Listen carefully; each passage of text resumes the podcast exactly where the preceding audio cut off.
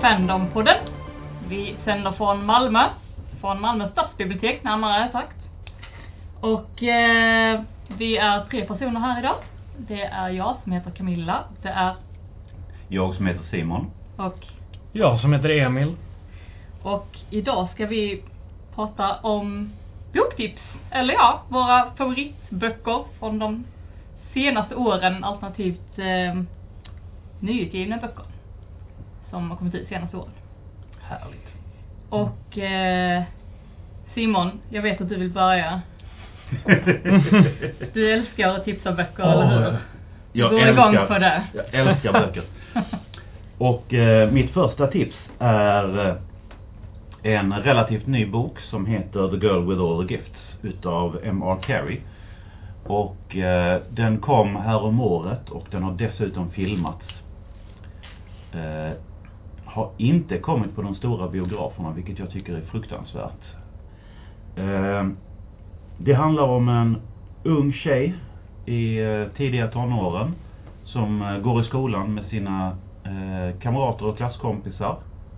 Och ja, på ytan första ögonblicket så ser det ut som, eller känns som en ganska normal ung tjej. Men hon bor inte i ett hus, hon bor i, eh, i en cell i en underjordisk bunker. Eh, när vakterna kommer för att ta med henne till klassrummet så binder de fast henne i en rullstol. Eh, binder fast armar, ben, huvud, hals, allt så hon inte kan röra sig och sen så rullar de iväg henne till klassrummet. Eh, precis i början så skämtar hon att eh, jag lovar att inte bitas. Vakterna skrattar inte. Det är en helt underbar bok. Den har många, många, många stora, stora härliga fördelar. En av de största är att eh, den behandlar cordyceps. Om du inte vet vad cordyceps är så har du en lång och underbar googlingstur framför dig. Eh, den eh, är skriven ur ehm, första persons perspektiv så vi får följa eh, flickan och eh, hennes resa till att bli en vuxen och självständig kvinna. Ehm, det tål väl kanske att nämnas att det är ju trots allt en, en zombiebok. Men låt inte det avskräcka er. Detta är någonting helt nytt på, på zombiegenren. Det är nyskapande, underbar och härlig. Eh, genremässigt så är det den, den kan bäst klassas ihop med varma kroppar. Och eh, även med det sagt så är de inte på något sätt någonstans lika. Eh, jag kan inte nog rekommendera den här. Helt underbar bok. Jag är lite ledsen att jag inte såg så den när den gick på bio. För det som du sa, den gick bara upp på mindre biografer och den gick inte speciellt länge. Och jag hade inte möjlighet att se den när den gick. Så nu är det så här, ah, jag får läsa boken istället. Det tycker jag. Och eh, det är dessutom vår första bokcirkelbok under våren på eh, bibliotekets bokcirkel. I Malmö då alltså. Här i Malmö, ja. Ja. Malmö stadsbibliotek. Och det betyder att vi har ganska gott om eh, böcker att låna. Så man behöver inte gå och köpa dem. Så ni köper in liksom till de här bokcirklarna eller? Ja. Ja. Eh, eh, en, en av syftena med att dra igång bokcirkeln var att visa vilket otroligt bra eh, vilken otroligt bra samling utav modern engelsk fantastik som vi faktiskt har här. Men vi har ju inte cirkeluppsättningar utav allting utan, utan det köper vi in till de böckerna vi ska prata om. Mm. Mm. Ja, spännande. Ska vi gå vidare med Evin? Ja, eh, och eh, som ni vet, eh, om ni lyssnar på förra avsnittet så tycker jag mycket om skräck. Så jag tänkte börja med vad jag tycker är en absolut, ja om det inte redan är så bli- blivande svensk skräckklassiker. Eller jag tror den är det. Samlade svenska kulter av Anders Fager. Det är en, om jag minns rätt så tror jag det är hans första novellsamling och den, eh, ja den, den, åh den är, den är så äcklig. Det är väl så jag vill beskriva den. Den är så äcklig och hemsk och eh, eh, alldeles fantastisk. Är ju liksom så här, den, det är, eh, det är olika bitar, det är olika historier och noveller som eh, som eh, först inte har någonting med varandra att göra och eh, berättar sina egna historier och sen ju längre in du kommer i den här novellsamlingen så ser man mönstren, man ser de återkommande skeenden, man ser det här, den här mörka sidan av Sverige och eh, världen som då presenteras i den här boken och det blir eh, riktigt obehagligt och en eh, fascinerande läsning. Jag satt och började jag blev väldigt existentiellt skrämd. Ja, nej men allvarligt. Eh, det, det, finns ett, det finns en historia som handlar om ett par som eh, försöker långsamt eh, ta livet av varandra för de tycker om den här nära döden upplevelsen. Mm. De Och- gör det gång på gång eller? De gör det gång på gång Ja. i, i någon slags sexuell tillfredsställelse. Eh, och för att uppleva döden eller det som händer när de upplever att komma döden så nära som möjligt. Och jag tyckte den var så obehaglig så jag behövde faktiskt stänga igen boken och eh, ja, andas lite på det där. Eh, kolla lite kattvideos på youtube eller det man gör för att, för att få upp lågan igen liksom. Nej men eh, just eh, sam, eh, Samlade svenska kulter det är Jag läste den i år och det är lätt en av de bästa läsningarna jag gjort hittills. Men visst har den någon koppling till Lovecraft? Eller är det jag som hittar på den? Nej, um, alltså jag hade väl sagt att den, dens, kop, dens koppling till Lovecraft är ju mer um, att den använder gudar och teman. Till exempel Dagon och liknande och samma skräck för det här okända är ju fruktansvärt. Varav Anders Fager har, någon, har den här fantastiska förmågan att göra alltså det okända som vi kanske är, om, är omkring oss på ett helt annat sätt än att det är där ute. Mm, mm. För att Lovecraft har ju ständigt den här, titta, och vi ser det inte och det är där ute, det är i rymden, i kosmos. Medan Anders Fager har den här obehagliga känslan att den alltid finns, inte bara bland oss utan inom oss också. Mm, Att mm. all, det finns, det finns den här lockelsen till det här äckliga, onda inom alla människor och, och då finns det de här kulterna och de här sällskapen som tycker om att ta vara på det och det gör det, nej. Ja.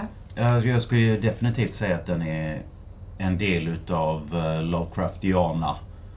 Eh, och det är ju, nu är inte jag så inläst på just eh, Lovecrafts litterära arv. Men eh, just, just att behandla de här grejerna som ren urban fantasy. Mm. Att ta, ta det lite läskiga och lite mörka och lägga det precis runt hörnet. Mm. Jag tyckte fruktansvärt mycket om den. Alltså Västerbron och eh, Flickorna från Borås. Mm, mm. Eh, mormors resa, helt underbar liten, Ja. liten, liten story. Den är fantastisk om man bor i Malmö också för att Ja. eh, de, de tar sin början i Malmö. Mm. Eh, Kul. och har lite, har lite den här politiska antydningen som finns som man är, som man är lite van vid om man bott och växt upp i Malmö. Mm. Så att han har, han har extrem koll på kulturella strömningar och liknande i, i, alltså i till exempel städer som Malmö och Stockholm. Och hans, och jag, otroligt, otroligt bra beskrivningar av städer har han. Framförallt Stockholm som är, är lite, lite den här drömstaden på något sätt i hans verk. Men det är ju den faktiska Stockholm också. Så. Ja. Ja, så Stockholm är väl hans Innsmouth. Ja. Det hade jag påstått. Hans Arkham kanske mer. Ja. Innsmouth är ju en liten ö utanför Lidingö eller, eller något sånt där det bor massa Dagons. ja, just det. ja. Ja. ja men jag, jag håller med dig, den är, den är Mm. helt underbar. Ja, den, men den, den har stått på min att läsa-lista väldigt länge, eller sen Mm. den kom ut. Eh, men jag tänkte också att jag skulle bli av ganska snart nu. Ja. Eftersom jag läser, jag är inne i, i min skräckperiod nu, läser skräck. Ja. Jag skulle, jag skulle säga att det, det finns ett par trigger warnings om man, om man har svårt för eh, kanske våldtäkt och liknande för att det Mm. finns, kan finnas sådana teman eller inkluderande så jag skulle varna om det lite men helt fantastisk läsning. Mm. Okej, så om, om någon äter upp någon annans ansikte så behöver man inte varna för det. Men om det är en våldtäktsscen så... Men jag tror det är för att det känns mer på riktigt. Ja, Nu det, vet jag inte hur det beskrivs i det här men... eh, Jag, jag, jag mm. reagerade väldigt starkt och kan tänka mig att ja, det var mest så jag tänkte.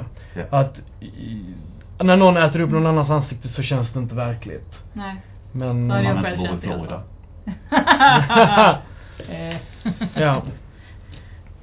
Ja, vi går Ja. inte in på det. Nej. Eh. vi, vi, vi slipper det. Eh, jag går vidare till mitt första boktips istället. En av mina favoritböcker de senaste åren har ju varit The Night Circus. Av, eh, och jag undrar lite hur eh, efternamnet ska uttalas på författaren. Eh, för det är så här lite tyskklingande. Morgenstern. Men det ska nog vara Morgenstern. Gissar jag. Erin Morgenstern. Ehm, den är, ja vad ska man kalla det? Det är också någon form av urban fantasy. Eh, som är försatt, och jag försökte dra mig till minnes vilken tid det var satt i. Jag, jag minns faktiskt inte riktigt. Eh, jag har för mig att det är typ så här slutet av 1800-talet eller något sånt där. Och då ehm, eh, kan man säga att temat i boken är ehm, magi och hur, alltså att det finns två sätt att utöva magi på. Där det ena är, alltså, där det är någonting som redan finns inom en person som har det naturligt. Eh, men att man sen då kan eh, eh, ja, lära sig att utnyttja det bättre. Medan, och den andra sidan är då någonting där man läser det till sig och kan göra det mer, vad ska man säga, vetenskapligt nästan. Alltså den approachen liksom. Ehm, och, och så är det då, så de här typ, olika typer av magiformerna står mot varandra väldigt mycket i den här berättelsen. Och sen samtidigt är det också då en kärlekshistoria som jag är inte något stort fan av kärlekshistorier överlag. Men det är väldigt snyggt gjort i den här för det är verkligen invävt i berättelsen och den har en, det är inte bara en kärlekshistoria för att det ska vara det utan det, det är liksom bra invävt i historien och har en mening i resten av eh, historien också. Men The Night Circus syftar ju då på en, en cirkus som bara dyker upp på natten. så den kan dyka upp så här utanför stan helt plötsligt så puff så dyker det upp en cirkus då och det är en magisk cirkus då. Så att eh, jag, jag älskar ju cirkusar. Eh, så att eh, det är såklart väldigt cirkus och magi, det finns ingen bättre kombination liksom. Ehm, så att eh, ja, jag tyckte den var väldigt, väldigt bra. Eh, och det var också kul, rätt kul när jag köpte den på SF-bokhandeln. För då, jag minns inte vem det var som stod i kassan men det var jag, jag minns bara att hon sa den är så bra! Jag bara, åh vad bra! För det, det var en sån bok jag bara köpte för att det var ett snyggt omslag liksom. Och så tyckte jag, ah det låter rätt spännande. Så, så köpte jag den. Ja den var bra. Vill du fortsätta Simon? Ja, det kan jag göra. Ehm, jag har tagit med mig eh, Rivers of London utav eh, Ben Aronovich. Och eh, Ben Aronovich och The Rivers of London handlar om en eh, polisaspirant i London Metropolitan Police Force. Och eh, när han står och vaktar eller bevakar en, eh, en mordplats så dyker det upp ett vittne och han börjar eh, intervjua det här vittnet som visar sig vara ett spöke. Sagt och gjort så blir han uppsnappad utav eh, den eh, paranormala eh, polisenheten som har hand om sådana här konstiga saker. Japp. Eh, Så vad vi pratar om är en urban fantasy i London. En polis som utreder de incidenter som har ehm, Magisk karaktär. magisk, ja. Ja. men de vill inte gärna använda det uttrycket. Det är lätt. Poliser gillar inte att annorlunda, udda. ja, ja, inom, inom poliskåren. Inom poliskåren. Ja. Eh, Så han blir någon form av udda fågel i poliskåren. Ehm, eh, Enheten för magiska mysterier eller magisk brottslighet är seriöst underbemannad. Ja. Det är han och en till. Därför att man har länge haft attityden att ja, men magi är på väg ut. Det, det håller på att dö bort. Och dessutom var det så många som dog under andra världskriget så det finns ingen, inte mycket magiker kvar. Mm. Ack så fel man kan ha. Mm. Och eh, The Rivers of London syftar då på Moder Thames och hennes bifloder som, eh, som mynnar ut i Themsen i London. Så där är Tyburn, Beverly Brooks och eh, andra floder som eh, har då sina egna personligheter, karaktärsdrag och eh, antropomorfiska personligheter. Mm. Och eh, det här är en helt underbar serie nu. Det, är, det har kommit ut fem böcker. Mycket av det som gör den så bra är huvudpersonens röst. Det är en bok som berättas i första person och snubben som är första personen är en väldigt relaterbar nörd. Mm.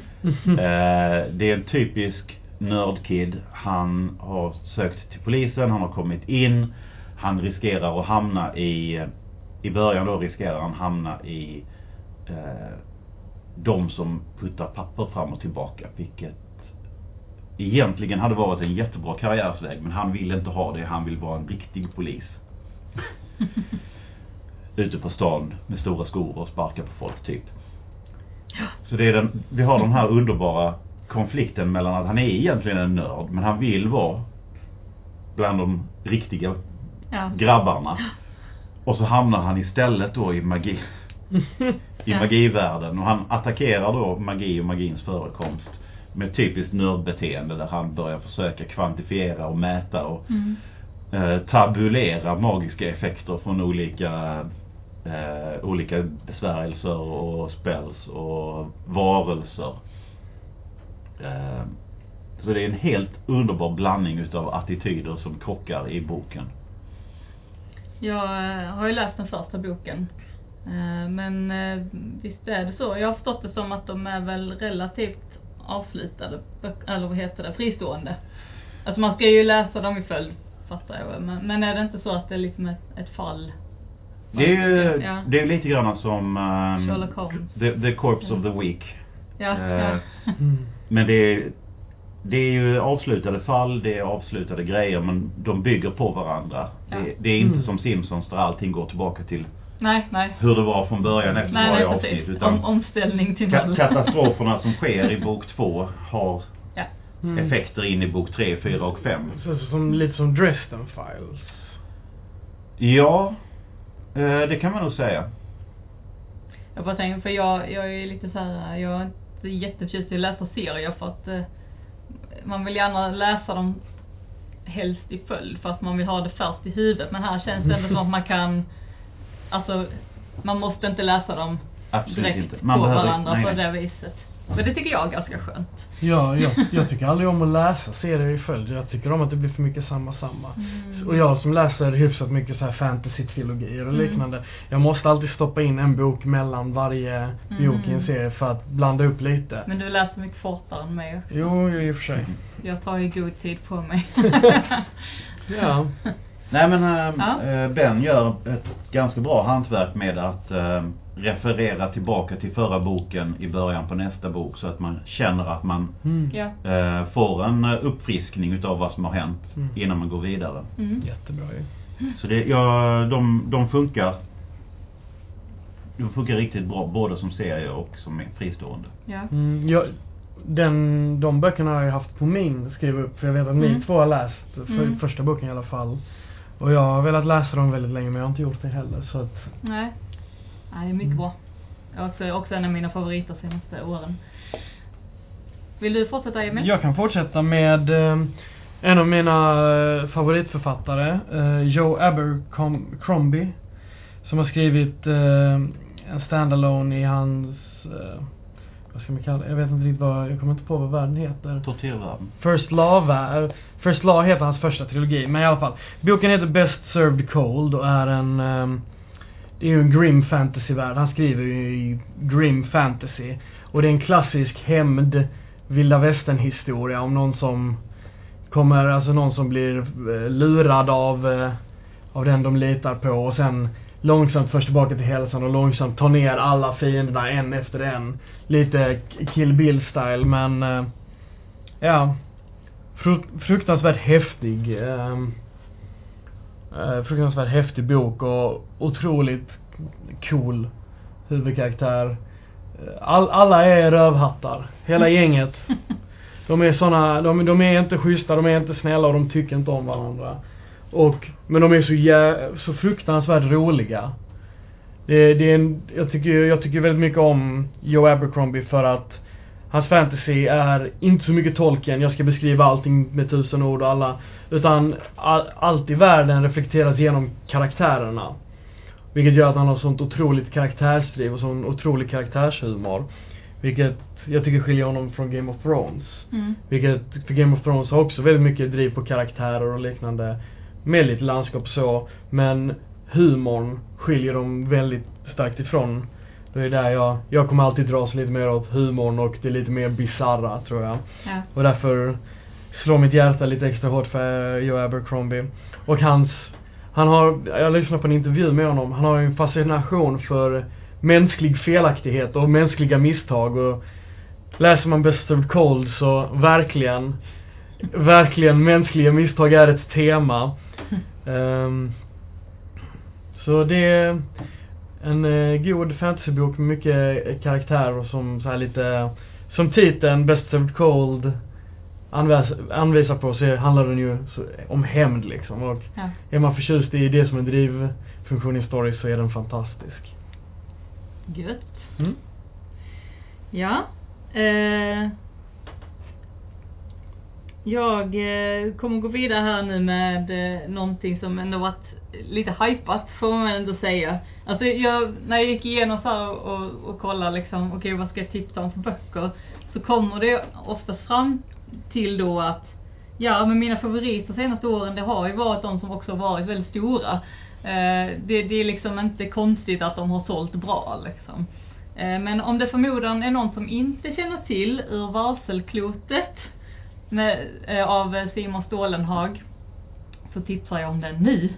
Och det är ju då, eh, om ni inte känner till titeln eller författaren så, eh, så kan jag nästan garantera att ni åtminstone har sett hans konst.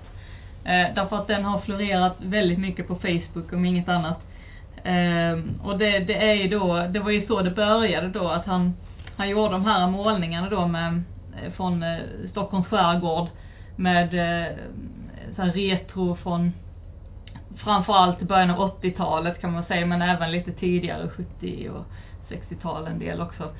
Eh, bilder från den tiden eh, och sen så är det då insprängt massa konstiga saker i bakgrunden så det är så här eh, man ser liksom att det är en nedlagd industri med liksom som ser väldigt verkligt ut men man, man börjar ju förstå att det här är någonting som är det är inte på riktigt liksom. Det är ju det är ju science fiction liksom. För det, men, men det är så snyggt gjort. Det är liksom, det är gjort som att det, det känns som att ja, men det har funnits på riktigt. Man har haft de här konstiga grejerna. Jag kan knappt förklara vad det är för någonting men men där finns ju också bilder då på där, där det är ju massa så här portaler till eh, andra tidsepoker och andra ställen på jorden.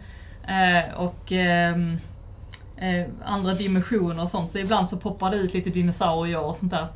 Eh, Eh, ja, det, ja, det är så coolt också. Alltså, det är uppbyggt kring de här bilderna men sen också finns det ju en liten lös, inte, inte historia på det viset utan mer, vad ska man säga, ögonblicksbilder. Där det beskrivits som minnen där eh, berättaren liksom minns tillbaka på sin barndom då med de här konstiga föremålen. Det finns till exempel någon historia om eh, två bröder, jag minns inte om det var tvillingar eller bröder i alla fall, som råkar byta kroppar med varandra av misstag. När de kliver in i, i ett klot och så, så poppar de ut och bara hoppsan, nu var jag i fel kropp. Eh, eh, så lite sådana konstiga saker som händer men det, ja, det är så fruktansvärt snyggt alltså. Ehm, och eh, han har ju även kommit med en ny bok nu också. Eh, som jag inte kommer ihåg vad den heter just nu. Men eh, den kom alldeles nyligen. Det är bara Mm. några månader sedan. Eh, och jag har inte hunnit läsa den än, men den ser väldigt snygg ut. Eh, så den är säkert bra den också, tror jag. Ja, jag, jag älskar hans bilder. Eh, helt un- Jag har inte läst boken men jag älskar hans bilder. Mm. Ja. Jag med. Eh, nästa bok som jag har med mig är The Library at Mount Char av Scott Hawkins. The Library at Mount Char är ett bibliotek. Och eh, boken handlar om eh, bibliotekarierna där. Eh, en eh, grupp ungdomar som har ganska nyligen berövats sin fader som dessutom råkar vara eh, huvudbibliotekarien. Och eh, man förstår ganska snabbt då, typ första sidan, att de här bibliotekarierna eh, som alla andra bibliotekarier då är ut, li, något lite utöver det vanliga. Eh, huvudpersonen eh, träffar vi när hon går längs med en eh, lantväg, en, en grusväg. Eh, med fullständigt nerblodade kläder, ett huvud under armen och en bronsdolk. Och eh, det är det är återigen eh, urban fantasy, men den här gången är vi i USA för det mesta. Eh, och eh, det är enormt mycket igenkänningsfaktorer liksom med, med, liksom, med personalpolitik och grillfester på biblioteket. Och hur eh, hårt eh, stämningar och liknande kan bli när världen håller på att gå under och det enda som står mellan världens undergång och överlevnad är biblioteket. Som det ibland känns när man står i disken. För er som inte vet så jobbar Simon på stadsbiblioteket och han ska tilläggas. Eh, det är eh, helt, helt skruvad bok. Helt sjuk. Helt underbar.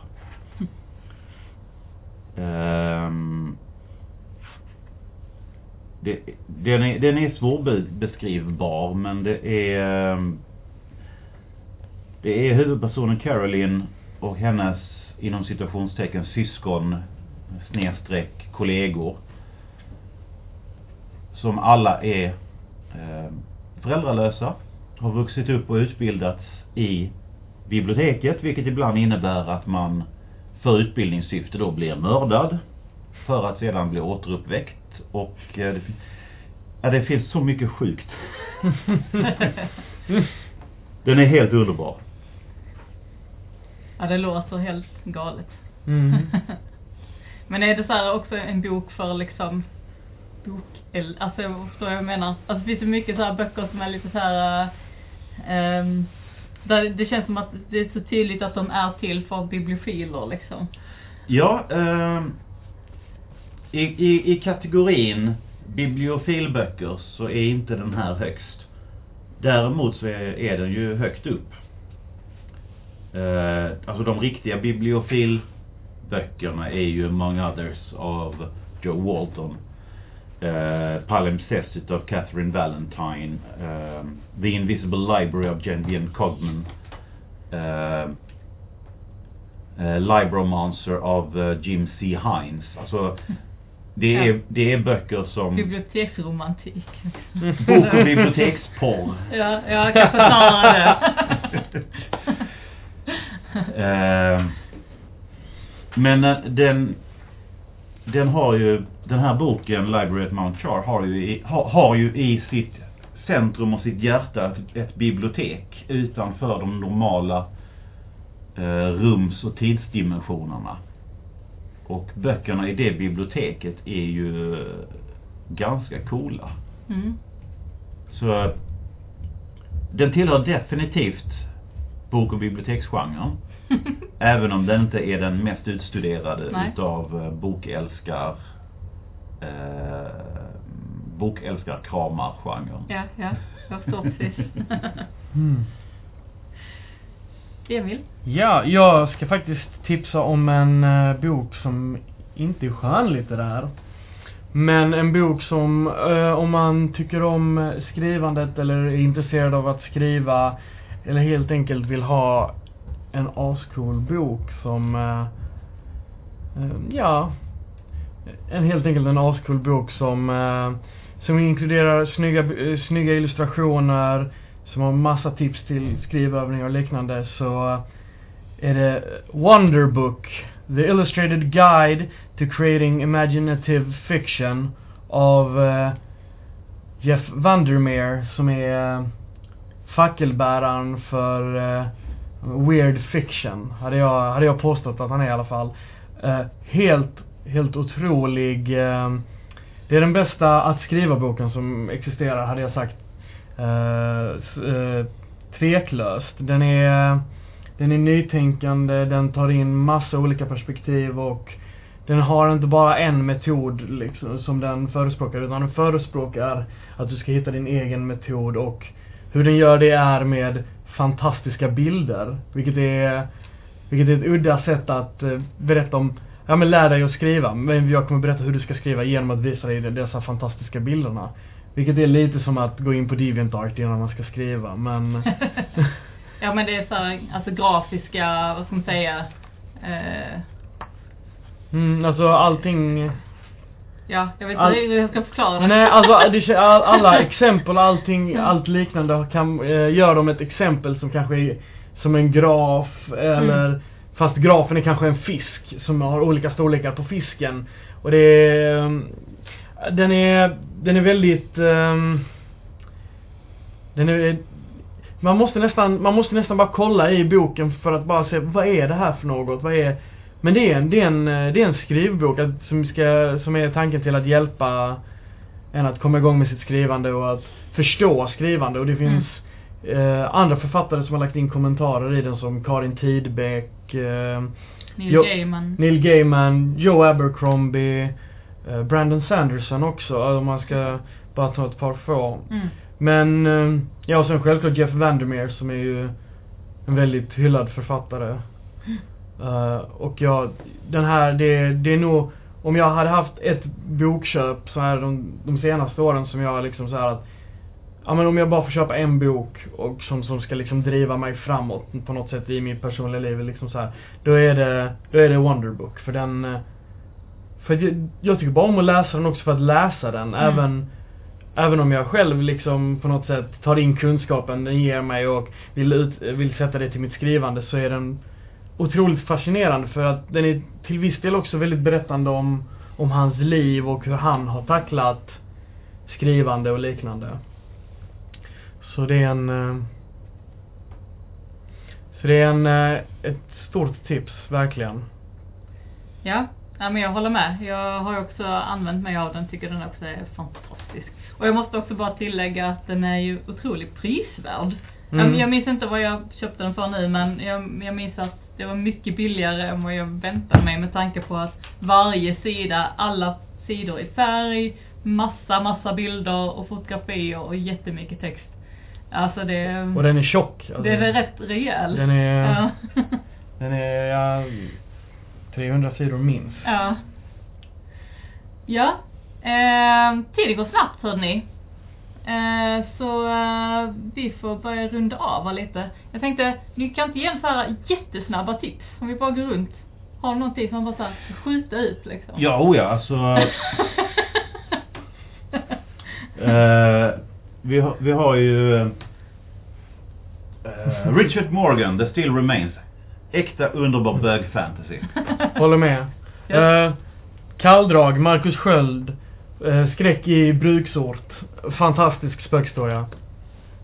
Och eh, ja, vad ska jag skjuta ut med då?